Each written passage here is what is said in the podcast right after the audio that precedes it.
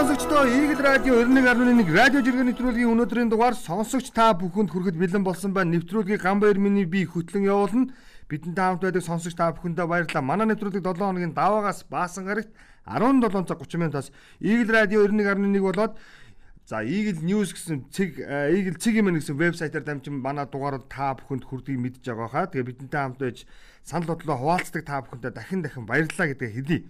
За өнгөрсөн өдрүүдэд буюу өөрөөр хэлбэл өнгөрсөн 24 цагийн хугацаанд эрхэм жиргээчд маань ямар асуудлыг хөндлөн ярилцваа гэдгийг бол чадан ядан тайлбарлан хүргэе.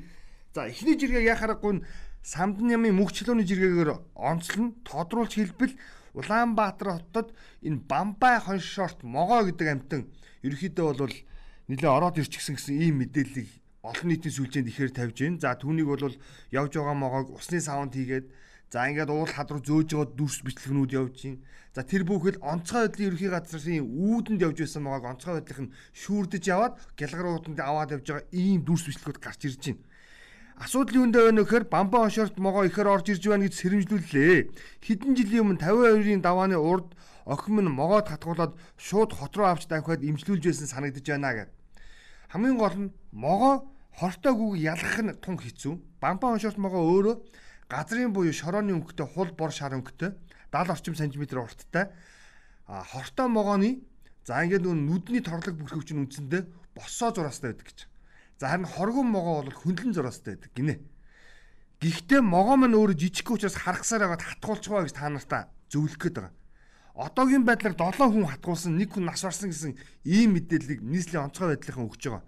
Тэгэхээр миний мэдэх хүмүүс за өөрөөр хэлбэл одоо ямар ч байсан энэ могоог харах юм бол онцгой байдлын тэр шуурхаа аврах уцруу уцтаад гэхдээ гарч байгаа сэрэмжлүүлүүд нь бас жоох инээдэмтэй байгаа да. Могоо тааралдвал яах вэ гэсэн чинь нөгөө нэг эрүүл мэндийн газраас гаргасан сэрэмжлүүл байсан л та. Нийслэлийн эрүүл мэндийн газар байсан баха. Тэгсэн чинь моог харах юм бол ийш тийшээ явуулалгүй удаан ажиллаж авах онцгой байдлынхныг эртэл одоо торгоож авах гихчлэн агуулгатай хэмжиргэнүүд яаж тэрхэвд одоо тэр цаг завл байхгүй. За нөгөө талд бас манай онцгойгийнхан үүдэнд явж байгаа могоог барьж авах гэсэн чинь юм үгүй ядаж талбар хураадаг хавчаараараа барина гэдэг шүүр гаргаж ирээ шүүрдэд авч байгаа бас их л эмзэглэлтэй харагдаж ирсэн. Өөр нэг асуудал бол юу вэ гэхээр бас монголчууд бүх зүйлийг муухаар харлуулад яах вэ? Амны бэлгээс ачтын бэлэг гэдэг могоо зүүдлэхэр чинь жирэмсэн болдог. Могоог чинь нөгөө нэг ширээ ширээ илүү нэг мөнгө төгрөг олно гэж бид нар давалгаалаад байдаг. Энтэй агаар нэг бас Улаанбаатарт орж ирж байгаа олон могоог хараад юу боддогдгүй гэхээр сайн талаас нь харъя л дээ бүгд Монголын хүн ам маань олон болох юм байна. Өсөх юм байна. 4 сая руу өгөх юм байна. Тэ? Улс их орн маань бас мөнгөтэй болох юм байна гэж бас бэлэгдээд бас энэ жиргэг өнөөдрийн жиргэнийхээ ихэнд онцолё гэж. За, дараагийн жиргээ энэ нөө замун үдийн ачаатай холбоотой асуудал өнөөдрийн хүртэл шүдний өвчин болсон хэвээр хэдийгээр замун үдийн зөвлөл буюу Улаанбаатараас очисон онцгой бүрийн эрх төлөөлөгч нар ачаа тээврийг 10 саяас хэтрүүлэхгүй байх чиглэл өгөөд За ингээд 140 50 машины өдөрт хилээр нэвтрүүлж байгаа боловч нөхцөл байдал арай өөр байгааг ангараг даваа сүрэн жиргсэн. Энэ эдийн засгч өдөг. 90 Улаанбаатарын ачаад 60-аас 70 мянган юанаар хэвээрэл үйлчлж байна. Машин ч олдохгүй байна. Дарга нарын яриад байгаа шиг 10 саяар 90-ээс Улаанбаатар явсан нэг ч жолоож байхгүй шүү. 10 саяар доод гэрээ дотоод гэрээгээ хийгээд зөрүүг нь хятад дансаар авч байна. Дахин хэлэхэд 90 Улаанбаатарын тээвэр 60-аас 70 мянган юан буюу 30 сая төгрөг хэвээрээ байна гэж. Тэр нүг нүглийнүүдийг гурлаар хурдаг ажил яваад байгаа юм л та. Олон нийтэд буюу дарга нартай тайлан өгөхдөө бид нар 10 сая гэдэг ийм журам гаргацсан гэд амьдрал дээр хэрэгждэг журмыг одоо болцоо л гэж хэлэх гээд байгаа. Яг үнэндээ.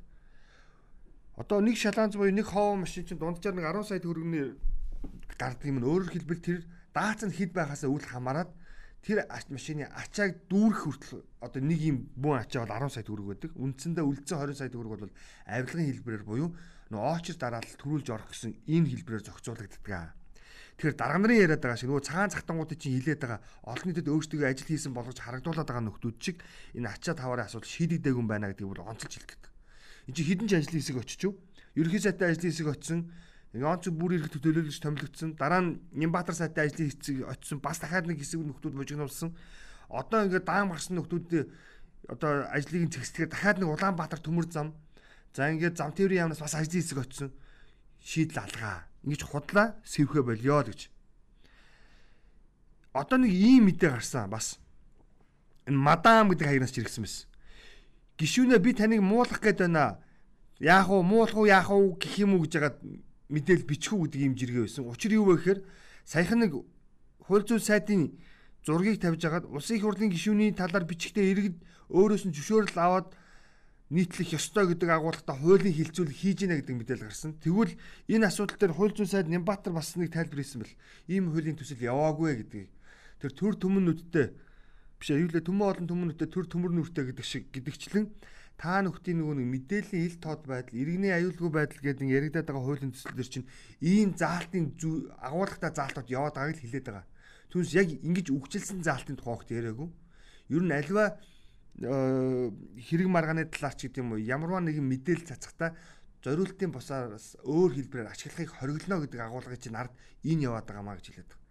Өөрөөр хэлбэл их хурлын гишүүдийн хөрөнгө орлогын мэдүүлэгтэй холбоотой мэдээллийг цацгата таны хөрөнгийн талаар мэдээллийг одоо бид ингэж нийтлэх гэж байна гэж өөрөөс нь зөвшөөрөл авах агуулгатай мэдээлэл яваад байгаа маа. Тэгэд хууль зүйн сайд бас нөгөө нүглийнүүдийг гурлаар хуурна гэхчээр бас нэг ийм асуудал дээр арай өөрөөр л хараад байгаа яг үнэндээ бол та нөхдийн тэр хөөгний мэдээллийн аюулгүй байдал гэдэг нь хуулийн төсөл төр чинь ийм заалтууд нуугдцсан яваад байгаа гэдэг нь чи илчлээд байгаа шүү. Тэгэд Чулуунбат гэдэг нөхөр энэний араас бас жиргсэн л тээ. Ер нь хідүүлээ жаахан шүүлтүртэй байя. Томчуудын алаан, сошиал мэдээллийн данд шууд татагдан ороод юу юуг л бие биенээ зүхвээд улс орноо сөнөөх гэж байгаа юм шиг ажиллахаа болио. Ядчил их сурвалжийг нь харж чад гимгүй, icon, go go за ийгэлч гэдэг юм ингэж мэдээлдэг байвал ер нь зүгээр шүү гэсэн маа. Яг л тийм л дээ. Одоо ховор хов гэдэг болчиход манай жиргэчд бол хамгийн сүүлд бол салхи хоорондоо бүр шидэлцэн сэдв бол энэ 10 дугаар огд байлаа. Хин ч юм бэ хаанаас юм 10 дугаар огдыг тодруулна гэж шуурсан. Тэгсэн чи яг үндэ бол тийм зүйл огт болоогүй. За өнөөдөр бол бурхан шашинчны төв гандан төгчлэн хийднэ юу зохион байгуулж яах нөхөр номон хааны залах ёслол буюу номын одоо тийм цол байдаг юм байна л да. Одоо олон ном судар судалсан тий. Одоо ингээд тухайн одоо юу гэдэг буддын сургаалаа ингээд тодорхой хугацаанд ингээд судалчихсан. Манайхаар одоо бакалавр, магистрыг олгодог шүү дээ. Тэрнтэй агуулга нэгээр тийм номын цол олгох юм ёслол болж байгаа юм байна. За энэ ёслол бол ерөөхдөө бол номон хаан гэдэг энэ номын цолыг бол жишээлбэл Төв гандангийн тэргүүн гэж хэлэгддэг гавж цой цой хам бол хүртэж байгаа юм байна. Энийг нь тэгсэн чи 10 дугаар богдоо гэж манайхан баахан шуурсан. Ингиж за ерөөхдөө бол улс үндэстнээ төрөө шашинтайгаа холж хутгамааргүй байна гэдэг зүйлийг энд хэлсэн байна. Тэр нь яа харахгүй альва мэдээллийг бас авахтай шууд уншигдах харагдах хэлбэрээр нь биш арталт нь юу өгүүлж байгаа гэдэг бүгдөө бас жоох уншиа л гэж хэлэх гээд байгаа. За одоо нэг марзан жиргээ явсан. Энд нэг нэр уншиж энтер гэдэг нэртэй хаягнаас жиргсэн. Яасан бэ гэхээр саяхан нэг хуваараа эрхлэгч бизнес эрхлэгч залуучууд нийлээд энэ агаарын ресторан гэдэг юмыг нээсэн туул гарден гэж би санаад байна. Тэрний ойролцоо ингээд өргөгч цамхагнаас за ингээд тодорхой тооны сандал бүхий за дүүжин ширээ сандлыг байршуулад за нэг иргэн цагийн 200 сая төгрөгөөр өгөөд ингээд агаар дээр хоол идэж болно гэдэг үйлчлэгийг нэвтрүүлсэн. За энэ хоёр хонсноо гурван хонсноо. За тэгс чинь нөхдүүд энэ нөхрийг буулгасан байна. Яагаад тэгэхээр за тодорхой аюулгүй байдлын эрсдлийн шаардлага хангаагүй байна гэж үзээд энэ үйлчлэгийг зогсоосон байна. Тэгс чинь энэ талаар жиргэжээ. Краны торомж ачааг хөдлөхөөс бусад үед байнга барьж байдаг юм а. Нөөц торомж гэдэг зүйл байхгүй. Хэрв торомжинд нь асуудал гарвал ачаагаа шууд доош нунагадаг. Машины торомж чигд гიშгэнгүүт барьдаг зүйл биш юм а. Ийм юмны дэгэн дээр хоолоо цууж байх маш эрсдэлтэй. Гэхдээ л монголчууд зөрөгтэй шүү гэж иргэцэн ба. Нэг зүйлийг би онцлох гэдэг. Энэ бизнесийг би зүгээр хувьдаа бол дэмжсэн эхлээд. Яагаад биднэрт ийм байж болохгүй гэж. Дэлхийн хүн амчин сонин содон хачирхалтай юм зөндөл туршиж шít тэр байтгаа уулын хавцал дээр унтж гин аялал жуулчлалыг агаар дээр хийж гин тэ? Усан дээр хоол идэж гин усан доор хоол идэж гин үгүй бид нар яагаад иймтэй байж болохгүй гэж? Нэг хоёр гэвэл манай дарга нар би хэлээд байгаа шүү зүгээр нэг тийм бусдыг хааж боож түүгээрээ ингэж юм кайф авдаг юм маниак зантай болцсон. Саяхан нэг залуучууд бас а машин дотроос киноны үзэх үйлчил үзэр үйлчлэгийн газар нээсэн төв цэнгэлт хөрөлөн төр За ингээд коронавирус халдрыг ямар нэгэн байдлаар бие биендээ ойртохгүй нөө метр 50 цагаа баримтлаад машин дотор байгаа хүмүүс хийнээс халдрах хэрэгтэй. Машин дотор өөр дотныхонтойгоо суун. За ингээд нэг удаад нэг 50-60 машин ингээд ороо зогсох юм байлээ. За ингээд киногоо үзээд машинтайгаа цуваад гараад явах юм байлээ. Энэ бол халдрын Монголын дэглэмийг машины вакуумжуулсан орчингоор хийцэн байна гэж ойлгож байгаа. Ингээд үйлчлэгээ явуулсан чинь нөгөө дарга нар очиод дахиад хаацс тэр үйлчлэг. Яасан бэ гэхээр чи зөвшөөрөл надаас аваагүй гэж. Дараа нь одоо энэ караны үйлчлэгээ буюу өөрөөр хэлбэл бас л сонирхолтой шүү дээ экстрим үйлчлэг байхгүй. Гэхдээ мөнгөтэй хүн магадгүй энэ үйлчлэгийг сайжруулахын тулд хажуудалд нь даатгал гэдэг зүйлийг бий болгоо те эрсдэл үүрэх юм бол ингээд ингэнэ гэдэг юм гарын үсэг зуруулаад ингээд үйлчлүүлэгч үйлчлүүлж болох юм нөхцөл байдал байж болно л доо. Ингээд явуулах хэрэгтэй бас дахиад та нар ингээд зөвшөөрлгүйгээд үйл ажиллагааг хаачиж. Би нэг юм асуух гэдэг дарга нараас. Тэгвэл та нарт гаргаад өгсөн стандарт ч юм байгаа мó. Агарын ресторан явуулахын тулд хэдэн метрийн өндрөөс тижнeen тооны дааттай тороосоор тий ийм дүүжин өргөч кран цамхаг ашиглана гэдэг та нар тэгвэл батлаад өгсөн стандарт ч юм байгаа мó. Баахгүй байхгүй юу? Битгий энэ залуучуудын буюу өөрөөр хэлэх юм бол монголчууд хөгжиж дивжих боломжийг нь энэ хааж боох гэсэн маниак сэтгэлгээр бити хаагаач гэж хүсэж байгаа. Автомашинтай кино үзэр бол маш зөв шийдэл байсан. Одоо залуучууд өөдөж штеп. Бүх зүйлийг бид нэр хундахтай арх те караокеогоор төсөөлөхө болцгоо л доо. Зугаацсан цэнгих танин мэдих чөлөө цагаа ямарваа нэгэн байдлаар аюулгүй өнгөрөх боломжууд бидэрч зөндөө байна. Гэтэл үүнийг нь зөвшөөрлгүй батлагдсан стандарт байхгүй юмараа ингэж хааж бодог. Тэгээ надаас зөвшөөрөл авах хэрэгтэй гэдэг агуулгаараа ингэж юм маниак зан гаргахаа болцгоо гэж хэлэх гээд байгаа байхгүй. Өчтөр бас яг энэ тухай ярьсан. Дарга нар бол яг үүндээ бол үйл ажиллагаа явуулах гэж байгаа газруудыг дандаа л өөрөөс нь гуйлгаж, түүлгэж, олон хүнээр дамжуулж яриулах те. Нөгөө арталт нь яригдаад байдаг. Хард гихийнхаа өрөн дээр нөгөө нэг авилгалын асуудал байгааг үгүйсэхгүй. Магадгүй тэр зөвшөөрлөг өгдөг дарагт нь би нэг боломжит хэлбэрээр ямар нэгэн зүйлээр авилгал өгсөн болвол тэр хүний эрх ашгийг нь хангацсан болвол тэр хүн энэ газрын үйл ажиллагааг нүдэн ханаад сарч гисэн явуулна. Ерөөсөл ийм маниак зантаа дарга нар олон болцсон юм аа гэж хэлдэг. Монголын үндэсний худалдаа аж үйлдвэрийн танхимаас сая 6 сарын 20 дээр нэг уриал гаргаж ирсэн. Энэ олон тоотой гарын үсгнүүдэ болчихё хэдүүлээ. Гарын үсгийн тоон зөвшөөрлийг цөөлье. Нэг хүн шийдэх асуудлыг 3 гарын үсгийг дамжуулдаг энэ баялаар тогтолцоо байгаа болоо. Энэ юу вэ гэхээр цүнх баригч буюу хурган дарга нарын маниак зангаас үүдэлтэй ийм хүн суртал өнөөдрийг хүртэл буюу Өөрөөр хэлбэл 70 жил манад ноёрхчлоо. 100 жилдээ ардын нам өөрөө 70 жилд нь энэ ноёрхлыг бий болгочихсон юм л та яг үнэндээ бол. Тэгэд энэ тогтолцооноос салж чадахгүй. Тэгээ тэрнээсээ салгачаар өөрөө хин ч шим шиг болчих гээд тэгээ тэрэндээ айгүй ам бүхтээ оршоод байгаа шалтгаан өрдөөл юм. Нэг өөрийн гуйлгаж царай алдаг энэ маниак дарганараас хизээ ингэж ярих вэ гэж. За дараагийн жиргээ яг арын жиргээ нь бүр яг гой тарчиж. Буян баатрахын жиргээ. Нэг удаа нийслэлийн хаан гард ордонд орж үзлээ. 35 иргэм наснытай нэгэн залуутай болцсон. Зүв бичгтээ тэрээр маш мууханч хөөхөн хурган дарга цолтой. За муухан бичдэг юм ба штэ. Ойролцоо кофе шопт нь 7000 төгрөгөөр кофе уугаад 6000 төгрөгийн тамхи татсан баахан албаны хувцас залуус ажлын цагаар цуг сууж байсан. Оройдоо каракод ордог Монгол улсад яг ийм 205 мянган төрлийн албаагч байгаа. Үнэн бохоо. Тэгээд цалин гэдээ ярихаар тэднес чинь дунджаар нэг 600 хэдэн мянгаас ер нь хамгийн дундад цалин чинь 600 хэдэн мянга байдаг төрийн албаагч нар ялангуяа мэрэгжилтэн референт гэдэг зэрэг цолтой буюу өөрөөр хэлбэл засгийн буюу төрийн албанд ажиллаж байгаа албан хаагчдын цалин бол нэг 600-ээс нэг 800-ийн хооронд бол тогтмол байдаг. Гэхдээ хамгийн аимшигтай 7000 кофег өдөр болгон авч уун хэдэн удаа авдгийг бид нар тоолж үзээгүй. Гэхдээ 6000 төгрөгийн тамхиг өдөр болгон татдаг. За ингээд бүгд тэр нар гэртээ харихтаа юугаар ямар унаагаар явж байгаа гэхээр нөгөө нь 30 хэдэн саяын харьяар буюу болон хайландер гэдэг машин ундаг. Гэвч манай нөгөө нэг аж ахуй эрхэлж байгаа, хөдөлмөр эрхэлж байгаа, бизнес эрхэлж байгаа залуучууд юу ямар унаа ундаг гэхээр за гоё машин авч чадна тэр мөнгөтэй болчихсон байгаа хөргө хоримтлал бий болгоод гэхдээ тийм үнэтэй зардал өндөртэй машинаар тэд нар ажил амьдралаа залгуулахад за зардал их гардаг учраас хөвчлэн пүрүс болгож ундаг. Тэгээ Брюстэй яваад очихоор бас тоож уулздаггүй нэг ийм царай алдсан нөхдүүд олон баг. Тэгээ 205 мянган ийм төрлийн албагч байна гэхэд бид 205 мянган шимэгчтэй амьдарч байна л гэсэн үг. Ердөө маш энгийнээр. Хоёр дахь жиргээ энэний агуулга нэг Гэхдээ энийг арай өөрөөр тайлбарлаж болно. Гэхдээ би бол зүгээр яг саний бай өнцгөр тайлбарлах юм бол ган зориг ванчик гэдэг агнаас жиргсэн. Дэлгүүрийн урт дугаарт 60 гаруй насны хоёр эгчтэй за ингэж байна. Дэлгүүрийн урт дугаар зогсож байна 60 гаруй насны хоёр ихч очир захлаа. Юмаа авч дуусаад нэг мөсөн ирээд зогсохгүй да. Арын хүмүүс зургуцаад байна гэж хэлэхэд одооны залуус ингээд нэг их худлаа дүрм журм ярьдаг болчихсон. Ямар сүртэй аггүй чигээд хоёр анаа төмөн олны өмнө салам загнаж агаад хараад явлаа гэж. Яг нэг ийм анинар байгаа л да яг үнэндээ бол яг үнэн баггүй. Дураараа. Би бол би гэдэг нэг биегийн өвчтнөр өсчихсөн. Энд чинь нөгөө нэг юу л да бидний олон жил ярьж байгаа. Дутуугийн комплекстэй нөхдөд байхгүй эхлээд би байх ёстой гэдэг агуулгаар асуудалд ханддаг. Автобусанд орсон ч адилхан. Яг үндэ бол муухагаар хэлэхэд бас саяхны бичлэг явуулсан систем нэг залуугийн алхимч гэдэг нэг залуугийн бичлэг яваад байгаа. Автобусанд ороод өндөр настай хүмүүс ороод ирэхэд суудал тавьж өгөө болио гэдэг. Яг тэр өндөр настай хүмүүс бол яг үндэ бол хөнгөлт идлээд үнгүй явж байгаа байхгүй. А гэхдээ одоо тэр суудал тавьж өгөх ёстой болчиход байгаа залуучууд бол 8 цагийн турш ажил дээр босоо хөвтөө хөндлөн хിവэрээр оюутнууд 5 6 цагийн парын турш ингээд суудсан юм яг л ядарсан хүмүүс байгаа даа. Гэхдээ ялгаатай нь энэ залуучууд дандаа мөнгө төлж орж ирж сууж байгаа.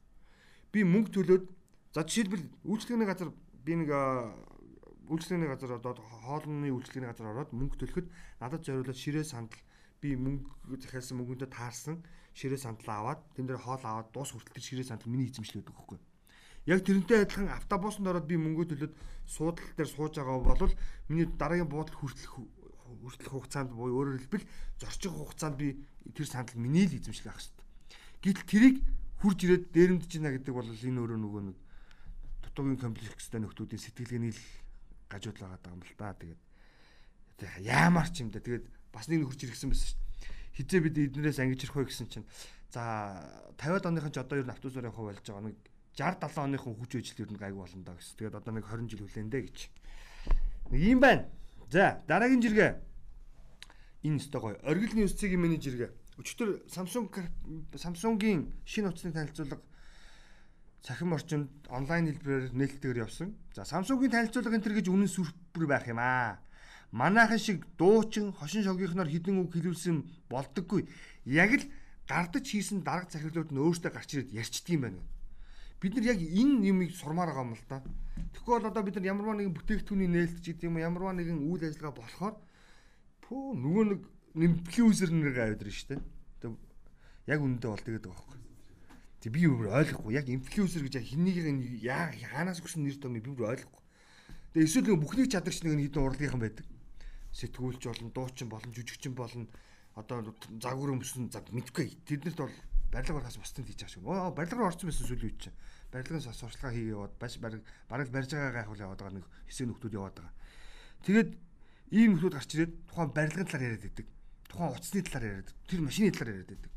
Яг ухтаан болвол яг энэ Samsung-ийн жишгээр өөрөөр хэлбэл тухайн бүтээгдэхүүний EDC-г яг яаж хийсэн бэ? Ямар технологи ашигласан юм? Хийхийн тулд хідэн хүний хідэн инженерийн тийм үү толгоо орсон юм ингээд энд хичнээн хугацаа цаг хөдөлмөр зарсан юм бэ гэдгийг маш энгийнээр яриаддаг ийм л бид нар програм руу шилжиж яа гэж хэлээд байгаа. Тэгвэл бүхний чадагч нараар бүгдийг нь худлаа хөөстөө яриулцсаар хагаад дараа нь ямарваа нэгэн санал гомдол гарахаар баг нэг хөтлөж тэгээ хэлсэн бид нар үгэнд тэгж хилүүлээгүй маа гэдэг хэлж идэг нөхдүүд олон болцсон шүү л гэж хэлдэг. Асуудал бодтой хандъя гэж. За. Дараагийн жиргээ. Зол 2 Монголд нэрээ юу л вэ? Боломж байна дөө. Өчнөөн захирлуудтай уулзлаа. Гайгүй ажиллах, ер нь гайгүй сайн хандлагатай хүмүүсийг л хайсан буюу ажилчийг хайсан хүмүүс л байна. Гэвч хөдөлмөрийн зах зээл дээр чадварлаг мэрэгчлэнүүд маш ховор. Эсвэл санаачлаад юм хийвэл хөрөнгө оруулалт хийсэн хүмүүс ч бас зөндөө байна. Энэ яг нөгөө нэг Монголын шүдний өвчин. Эхлээд нөгөө хоёр саад багийн нэг нь би түрүүнд дурдчихлаа нөгөө маньяк дарга нарын зөвшөөрөл байгаа гэдэг. Хоёрт нь яг харахгүй бидний хөдөлмөрийн зах зээл дээр мэрэгжилтэй ажилтан буюу энэ хүмүүсийн зах зээл дэндүү их одоо хомсдолтой болчихсон. Тэгэхэд эн чинь нөгөө нэг манай төрийн өөрөө нөгөө харлаган буюу халамжийн бодлоготой шууд холбоотой. Та хөдөлмөр эрхлэхгүй халамж хүртэх юм бол цалин авснаас илүү их орлоготой байна гихтэг агуулгаар халамжийг өгдөгөө учраас ийм болцсон юм аа. Яг зах зээлийн нөхцөл байдал дээр одоо хөдөлмөрийн зах зээлийн нөхцөл байдлыг аваад үзвэл за орон нутгаас орж ирсэн нөгөө нэг пүрүүс аваад хашаа байшин бариад Улаанбаатарт амьдрын нэгдсэн хэсэг нөхдүүд байгаа даа штэ. Талтар игээд амьдрын нэгдсэн. Тэр нөхдүүд болохоор ажилд орё мэрэгжил байхгүй. За яг мэрэгжүүлээд авъя гэхээр э, арай цалин багуу гэд. Тэгэд ямар ажил хийж нэхэр цагийн ачигч хийдэг. Эсвэл уул руу яваад нөгөө самар жимс түгөө яваад өгдөг. За тэгээд энэ нөхдүүд чинь нөгөө нийгмийн байдлаа бүглүүлэхээр ажилгүй гэж бүглүүлдэг. Тэгээд нөгөө нэг хүнсний толон хүүхдээ асарсны гэд ба ба ба баха халамж авчдаг. Тэгээ энэ хөдөлмөрийн зах зээлийг яаж бий болгох вэ гэхээр яг Монгол хүний нөгөө үнэлэмжийг зөв болгох гэдэг зүйл дээр агуулдаг юм л та.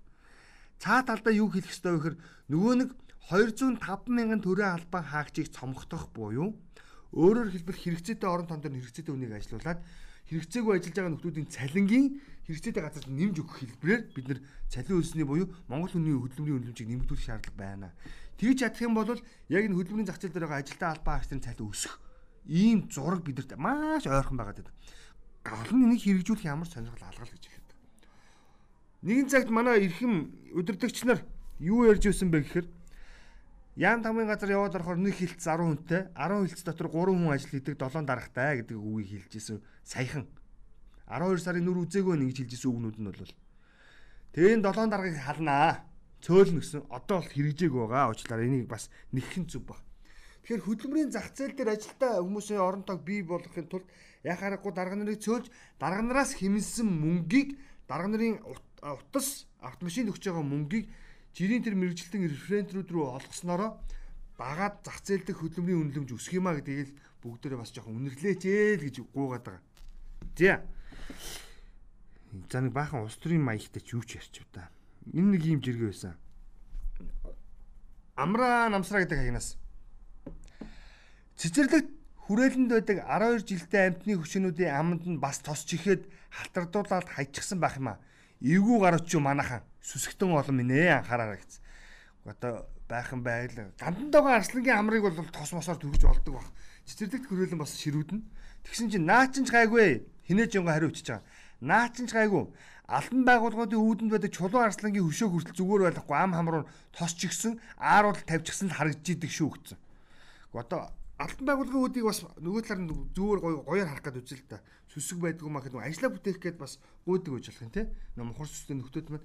Гэхдээ энэ бас нэг нийтийн эзэмшлийн талбай дээр байгаа энэ гандан сүм хийдээс өөр газар байгаа арслангуудын ам хамар тосчихё болчихё. Бүгдээр бас жоохоо их хотын буюу метрополис хотын соёлтой баймаар шүү дээ. Ээж жиргсэн. Болцоо болцоонд явах юмсан залуутар нас мань бараг дууслаа штэ. Ковид 19 үнэнгээсээ дарагдах юм уу яах улам л ихсээд байх юм гэсэн. Энд ч одоо олон эмэгтэйчүүд үгээ хэлж байгаа хөө. Тэгээд сүүлийн үе Twitter орчинд бол хамгийн их хандлт авч байгаа жиргэг бол эмэгтэйчүүдийн бэлгийн дур хүслийн талаарх жиргэг бол хамгийн их хандлт авч байгаа. Тэгээд нөгөө малаа яшгүй мөнгөн медаль авч энэ хүслийг нь бас нэлээд бас дарах шиг болно лээ. Үр хүүхд үлдээгээд авах гэсэн хүүхнүүд олон байгаагаа илэрхийлсэн. Муугаар хэлэх юм бол даруулаад авах юмсан гэдэг хүүхнүүд олон байсан юм байлээ гэж. Тэрний араас юу лээ эмгтээчүүд чинь өдөрт аа биш жилд 200 удаа одоо 360 хоногийн 200 хоногт нь одоо нөгөө нэг бүлэн борооны ажлаа хийдэг байх юм бол эмэгтэн одоо байгаа наснасаа 6 наснаас залуу харагддаг гэдэг өөрсдөө тодорхойлчихсан байсан. Тэгэд хүүхнүүдийн мань бас энэ ковид байхгүй бол болцоо молдолд нь явуулах юмсан гэж чиний манаг. За дараагийн жиргээ нима. Хадам ээж чи таван сайхан охин төрүүллээ одоо ганц хүү төрүүлээд өгөөч дээ гэхэд бэрн өө би тэр нарийн ширийн юм чи мэдэхгүй штэ хүүгийн чинь хийж өгснийг нь л төрүүлж байгаа шүү дээ гэсэн. Нэг юм жиргээ явж байна. За тэгэхээр өнөөдрийн дугаар энэ хүрж байгаа юм байна. Найруулагч тогчин хамт байж сэтгэлдээ хавалцсан олон жиргээч та бүхэндээ баярлалаа. Манай нэвтрүүлэг маргааш илүү олон мэдээлэлтэй буюу баасан гарагт учрна. Яагаад гэхээр баасан гарагт яг яахад таарсан өдөр учраас олон сайхан мэдээлэлтэй эргүүл. За баяр та. Lord.